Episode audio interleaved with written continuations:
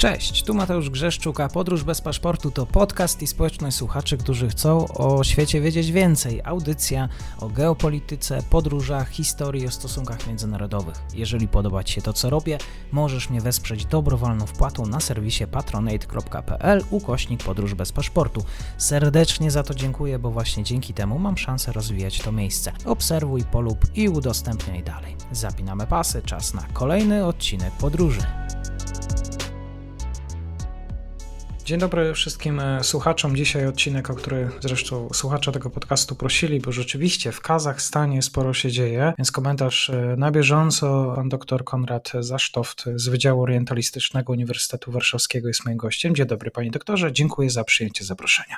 Dzień dobry czwartek e, po południu na ulicach Almaty, największego miasta w Kazachstanie, pojawiły się pojazdy wojskowe. E, zamieszki w Kazachstanie, panie doktorze, w takim skrócie, bo naprawdę sporo się dzieje, sytuacja jest dynamiczna. Dlaczego? Dlaczego doszło do starć e, policji z demonstrantami? Skąd kryzys polityczny? No tutaj ten, ten kryzys, y, y, który rozwija się niezwykle szybko i trwa zresztą obecnie w tej chwili, kiedy tutaj rozmawiamy, y, on rozpoczął się zaraz po nowym roku w związku z znaczącą podwyżką gazu, która no, wywołała niezadowolenie mieszkańców Kazachstanu, zwłaszcza zachodniej części Kazachstanu, która no, jest takim dosyć biednym regionem Kazachstanu. Kazachstan składa się z kilku regionów i jakby poziom życia mieszkańców różnych miast jest, jednak się różni, tak? Mamy mm, Almaty, dosyć bogate miasto, tak, no a z kolei te miasta zachodniego Kazachstanu, głównie z, związane z przemysłem naftowym, gazowym, ale właśnie no nie, nie, nie są to e, miasta, gdzie, gdzie ten poziom życia jest wysoki, więc te protesty były no, początkowo, można powiedzieć, e, no, naturalną taką reakcją na tę sytuację i żądanie po prostu o obniżki mm, cen gazu. Natomiast to, co się wydarzyło co później, czyli przedwczoraj, to miało miejsce już nie w zachodnim Kazachstanie, ale w e, tak zwanej starej stolicy Kazachstanu, czyli właśnie w Almaty, tak, bo tutaj przypomnę, że nowa stolica to Nur Sultan, do niedawna nazywana Astaną, ale te, te protesty, takie ważne protesty zazwyczaj do nich dochodzi w starej stolicy, czyli w, w Almaty. Te protesty przerodziły się w taką no, formę protestów z użyciem przemocy, tak, użyciem broni palnej. Nie wiemy dokładnie ile osób e, zostało się ofiarami tych, tych, tych zajść, ale te liczby, które które słyszymy są zatrważające. Tak? Tutaj mówi się o jakiejś olbrzymiej liczbie osób zabitych i, i rannych. W różnych źródłach bardzo różne tutaj są pogłoski, plotki, tak bym to określił, o liczbie tych, tych za, zabitych. Natomiast no, no to jest to jest niewyobrażalny wstrząs dla, dla Kazachstanu. Kazachstanu, który był jednym jak dotąd takich najstabilniejszych państw i najbogatszych również państw regionu Azji Centralnej, który e, rządzony e, jest no, w sposób autorytarny, tak, od powstania tego państwa e, od, od 1991 roku przez Nursultana Nazarbajewa, zmienionego później przez kolejnego prezydenta Jomarta Kasyma Tokajewa. No ale nikt tutaj jakby nie, nie spodziewał się, że nagle akurat w tym roku, na początku tego roku dojdzie do, do, do takiego wstrząsu. Tutaj oczywiście podstawowa kwestia to jest dlaczego dlaczego, dlaczego aż tak to wyglądało, dlaczego to użycie broni, dlaczego w tej chwili ta sytuacja trwa dalej, tak? Czyli cały czas y, Almaty nie jest kontrolowane przez, przez, przez rząd, przez prezydenta Tokajewa, tak? Tylko ci protestujący y, część tego miasta kontrolują, zajęli ważne różne budynki y, administracji, budynki, czy przynajmniej doszło do ich splądrowania, nie, nie wiemy, czy w tej chwili oni je zajmują, ale w każdym razie w łatwy sposób udało im się zniszczyć takie, takie obiekty, wejść tam, podpalić je, co było, co było zadziwiające, jak również ta, to posiadanie broni, więc no tutaj pojawia się mnóstwo teorii, których większość no, pewnie można wrzucić do kategorii teorii spiskowych, ale inaczej tego nie można jednak wytłumaczyć jak tym, że no, tutaj jakaś siła polityczna za tym stała, że to no, nie mógł być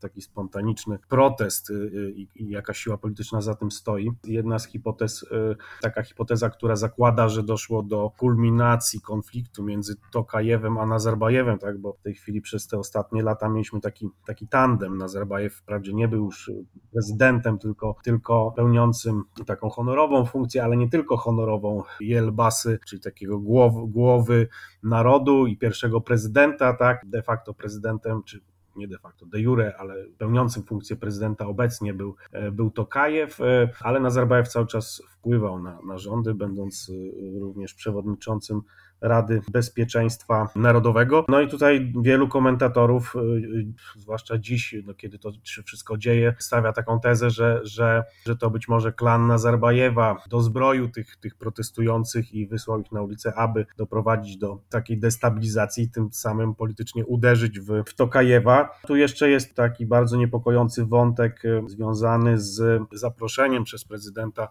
Tokajewa do Azerbejdżanu sił Organizacji Układu o Bezpieczeństwie Zbiorowym, czyli tego takiego rosyjskiego antynato, tej organizacji wojskowej tworzonej przez Rosję, której częścią jest również Kazachstan i, i no również inne państwa Azji Centralnej, Kirgistan, Tadżykistan, Kaukazie Południowym Armenia, no ale to jest wydarzenie bez precedensu, bo, bo do tej pory sytuacje destabilizacji w krajach OUBZ, tej organizacji miały miejsce, na przykład w Kirgistanie kilkakrotnie, ale mimo to nie było tam interwencji tych wojsk OUBZ, no a poza tym te, to trzeba tutaj powiedzieć wprost, że te wojska OUBZ to są po prostu wojska rosyjskie, więc w tej chwili wiemy jaka będzie rola tych wojsk rosyjskich w, w Kazachstanie. Czytamy dzisiaj rano tekst pana Witolda Jurasza, który informował akurat, że rosyjskie media podały, oskarżyły właściwie kanał Nexta o to, że on stoi za, za protestami w Kazachstanie. To jest akurat ten kanał, który mogliśmy słyszeć w kontekście rewolucji, tego co się działo na Białorusi.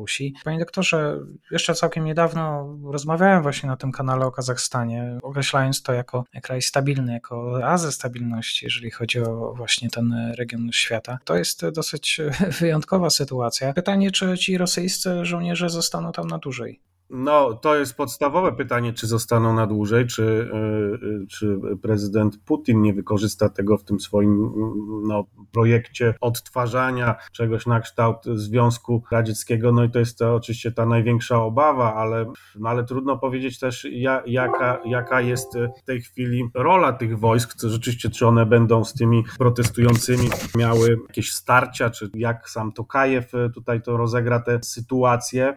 No tutaj jest więcej znaków zapytania w tej chwili e, niż e, odpowiedzi. Można powiedzieć, że też e, dyktatura to nie jest tak system stabilny, jakby się wydawał. Też akurat stabilność autorytarnych reżimów postsowieckich no, jest jaka jest i może to się wydarzyć w innym kraju, jeżeli chodzi o Azję Środkową. No tak, ja bym może dodał, że że właśnie Kazachstan był takim e, krajem, który budował sobie taki wizerunek e, właśnie takiego centralnoazjatyckiego Singapuru, czyli państwa, które jest e, wprawdzie rządzone autorytarnie, ale dokonuje reform, rozwija się gospodarczo. No i rzeczywiście ten rozwój gospodarczy tam miał miejsce, no ale niestety taki jednostronny rozwój gospodarczy, czyli oparty głównie na, na tych surowcach, bogactwach naturalnych, których w Kazachstanie nie brakuje. No a tego rodzaju jednostronny rozwój gospodarczy oczywiście oznacza wrażliwość tej gospodarki na, na, na, różne, na różne kryzysy, więc tutaj e, ta, ta sytuacja gospodarcza oczywiście się pogorszała w ostatnich latach w Kazachstanie i tak jak powiedziałem na początku, ten, e, niezadowolenie społeczeństwa to, to nie jest coś sztucznego, tak? to, jest, to jest autentyczne niezadowolenie. Tutaj prezydent Tokajew obiecywał różnego rodzaju reformy, no niestety wydaje się, że nie udało mu się tutaj e, zbyt wiele, zbyt wiele osiągnąć. Oczywiście no, problemem numer jeden jest, jest, jest olbrzymia korupcja, tak jak w wielu innych e, państwach e, poradzieckich. No więc tutaj no, nie jest Kazachstan tym Singapurem, tak? Ktoś porównywał również Nursultana Nazarbajewa do Deng Xiaopina, tak? Czyli tego twórcy takich e, reform wolnorynkowych w komunistycznych Chinach. No i też właśnie obserwując to, co się w tej chwili dzieje, no można podejrzewać, że, że niestety dla Nazarbajewa takiej roli on no nie odegrał, ponieważ no nie udało mu się stworzyć e, stabilnego systemu.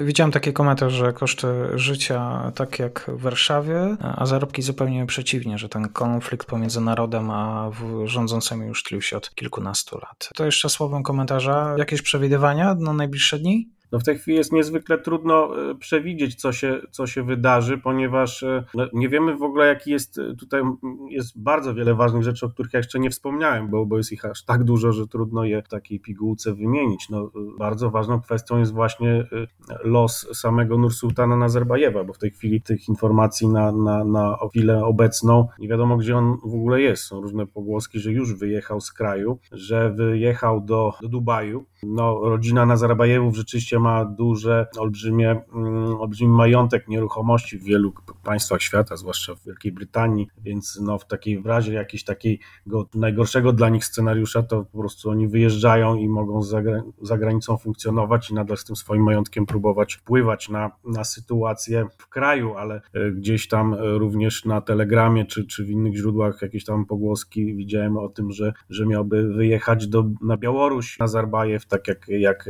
na przykład prezydent, były prezydent Kirgistanu, Kurmanbek Bakijew, który został obalony w 2010 roku i wówczas no, Łukaszenka go przygarnął i do dzisiaj ten po, były polityk mieszka w Mińsku. No jak również gdzieś tam widziałem w ogóle takie informacje, że, że, że prezydent, e, pierwszy prezydent Kazachstanu, Nazarbajew już nie żyje, więc no naprawdę w tej chwili w natłoku tych, tych informacji trudno tutaj ocenić, co jest, e, co jest autentyczną prawdą, a co nie. Będziemy przypatrywać się Kazachstanowi patrzeć. Myślę, że to nie ostatnia audycja w tym temacie. Dzisiaj dziękuję za ten komentarz. Moim gościem był pan dr Konrad Zasztoft, Wydział Orientalistyczny Uniwersytet Warszawski. Bardzo dziękuję. Dziękuję bardzo.